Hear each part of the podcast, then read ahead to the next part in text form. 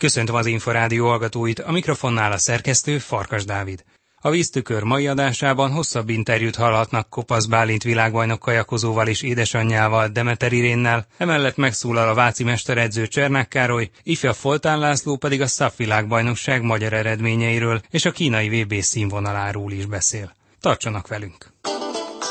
Víztükör. Az Inforádió kajakkenu és vízisport magazinja. Soha nem akarta más edzőhöz küldeni fiát, a világbajnok kajakozó Kopasz Bálintot, mondta az Inforádiónak Demeter Irén, a versenyző édesanyja és edzője.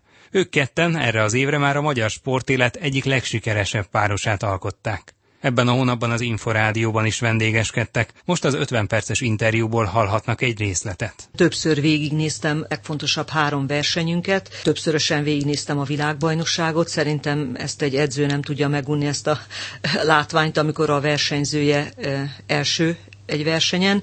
Jó pár dolog letisztázódott bennem, ugye már előre tekintek Tokió felé, fejben megvan a váza a felkészülésünknek, a sar, sarokpontok, edzőtáborok időpontja, helyszíne, és az a munka, amelyet el kell majd végeznünk.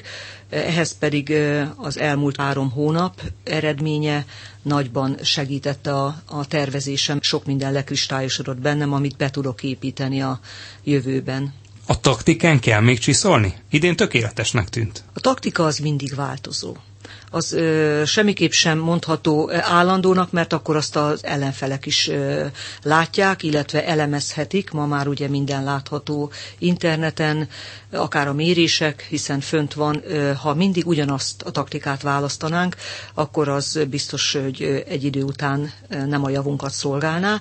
Tehát azt ö, mi megbeszéljük Bálintal, és ha nem is minden versenyen, de azért ö, gyakran változik. De gyökeresen eltérő taktikát gondolom nehéz lenne kialakítani, hiszen a versenyzők izomzata, felépítése, specialitásai azért eléggé adják a taktika alapját, nem? Így van, tehát a kajakkenu sportban olyan nagyon ö, mást csinálni nem lehet, hiszen van egy ö, kemény rajt, van egy ö, erős utazó, és hát a hajrá, az utolsó pár száz méter, kinek mennyi ereje van, ki hogy tervezi, hogy osztja be a, az erejét, van akinek 200 méter, van akinek az utolsó 50 méter adatik meg, tehát nyilván olyan nagy játéktér ebben nincs. Bálint, önnek melyik része a legnehezebb általában a távnak?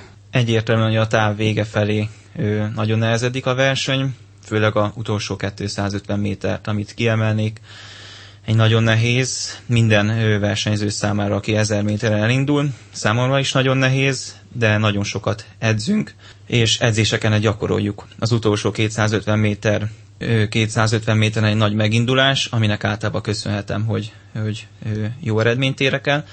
Idén ugye nagyjából minden versenyt megnyertem, kivéve a Duisburgi világkupát, és ezért készültünk olyan sokat, hogy mm, ezek a versenyek könnyedén sikerülhessenek, főleg az utolsó méterek. Együtt dolgoztak mindig is, és tulajdonképpen az elmúlt években legendássá vált az összetartásuk, illetve az, hogy a harmonikus munkának köszönhetően folyamatosan építkeztek, folyamatosan léptek előre. Így tervezték néhány évvel ezelőtt, amikor eldöntötték, hogy Bálint tényleg komoly szinten fog kajakozni, akkor ebben az ütemben bíztak? Én mindenféleképpen e, így képzeltem el, ha bár ez egy folyamat, ez egy folyamat, és hát természetesen ahogy teltek az évek, ez egyre jobban kikristályosodott, és egyre természetesebb volt. Megmondom őszintén, hogy nekem soha nem fordult meg a fejembe, hogy Bálintot esetleg át kellene adni egy nagyobb egyesületbe, vagy más edzőhöz, hiszen a legfontosabb a bizalom, a szeretet, és hát természetesen, mivel sportról van szó, az eredmény, és hát abban az esetben, amikor az eredmény jön évről évre is egyre magasabb szinten, akkor én úgy gondolom, hogy egy versenyző sem azon gondolkodik, hogy egy harmonikus, sikeres együttműködésből ki szeretne lépni. Tehát igen, ez egy olyan folyamat volt, ami az előbb említett érvek mellett szépen olajozottan működik a mai napig. Kopasz Bálint ezt hogy élte meg, ezt az elmúlt néhány évet? Abszolút gördülékenyen ment minden ő, én köztem és anya között, úgyhogy és ennek is köszönhető volt, hogy tényleg szépségeket tudtunk elérni. Mert nem győzöm elmondani, hogy 9 éves korom óta, amióta elkezdtem kajakozni, anya foglalkozik velem, úgyhogy legjobban ismerjük egymást, és ez nagyon sokat számít, főleg ugye, hogyha az élsportot nézzük, nagyon jól ismer engem, akár edzéseken, mikor kell visszavenni a teljesítményből, mikor lehet még fokozni a, az előírt programot. Ez mm, nem mindenkinél van így, és tényleg ennek is köszönhetően jól alakulnak a dolgok, évről évre egyre följebb kerülünk. Tényleg nagyon jó a kapcsolat közöttünk, igen, ezt kiemelném volt egy rendezvény, amikor a moderátor megkérdezte öntől, hogy szoktak-e vitázni, vagy vannak-e problémák, és hát szinte teljes természetességgel vágta rá, hogy nem. Azóta is így van ez? Természetesen nincs vita, úgyhogy nem is emlékszek, hogy mikor veszekedtünk volna utoljára. Nem is tudom elképzelni, hogy lenne közöttünk konfliktus, mert most miért is. Én ő, keményen edzek minden nap, tudom, hogy miért teszem azt, hogy én lessek a legjobb, és minél jobb eredményt érjek el. Igazából nincs összetűzés közöttünk. Ez megint csak egy fontos dolog. Hmm, hát igen. Egyébként számít arra, hogy Bálint visszajelez, vagy pedig nem kell szinte mondania, látja akár mondjuk az edzés teljesítményén, vagy egy-egy mérésből, hogy mikor, hogyan érdemes finomítani az előírt programon?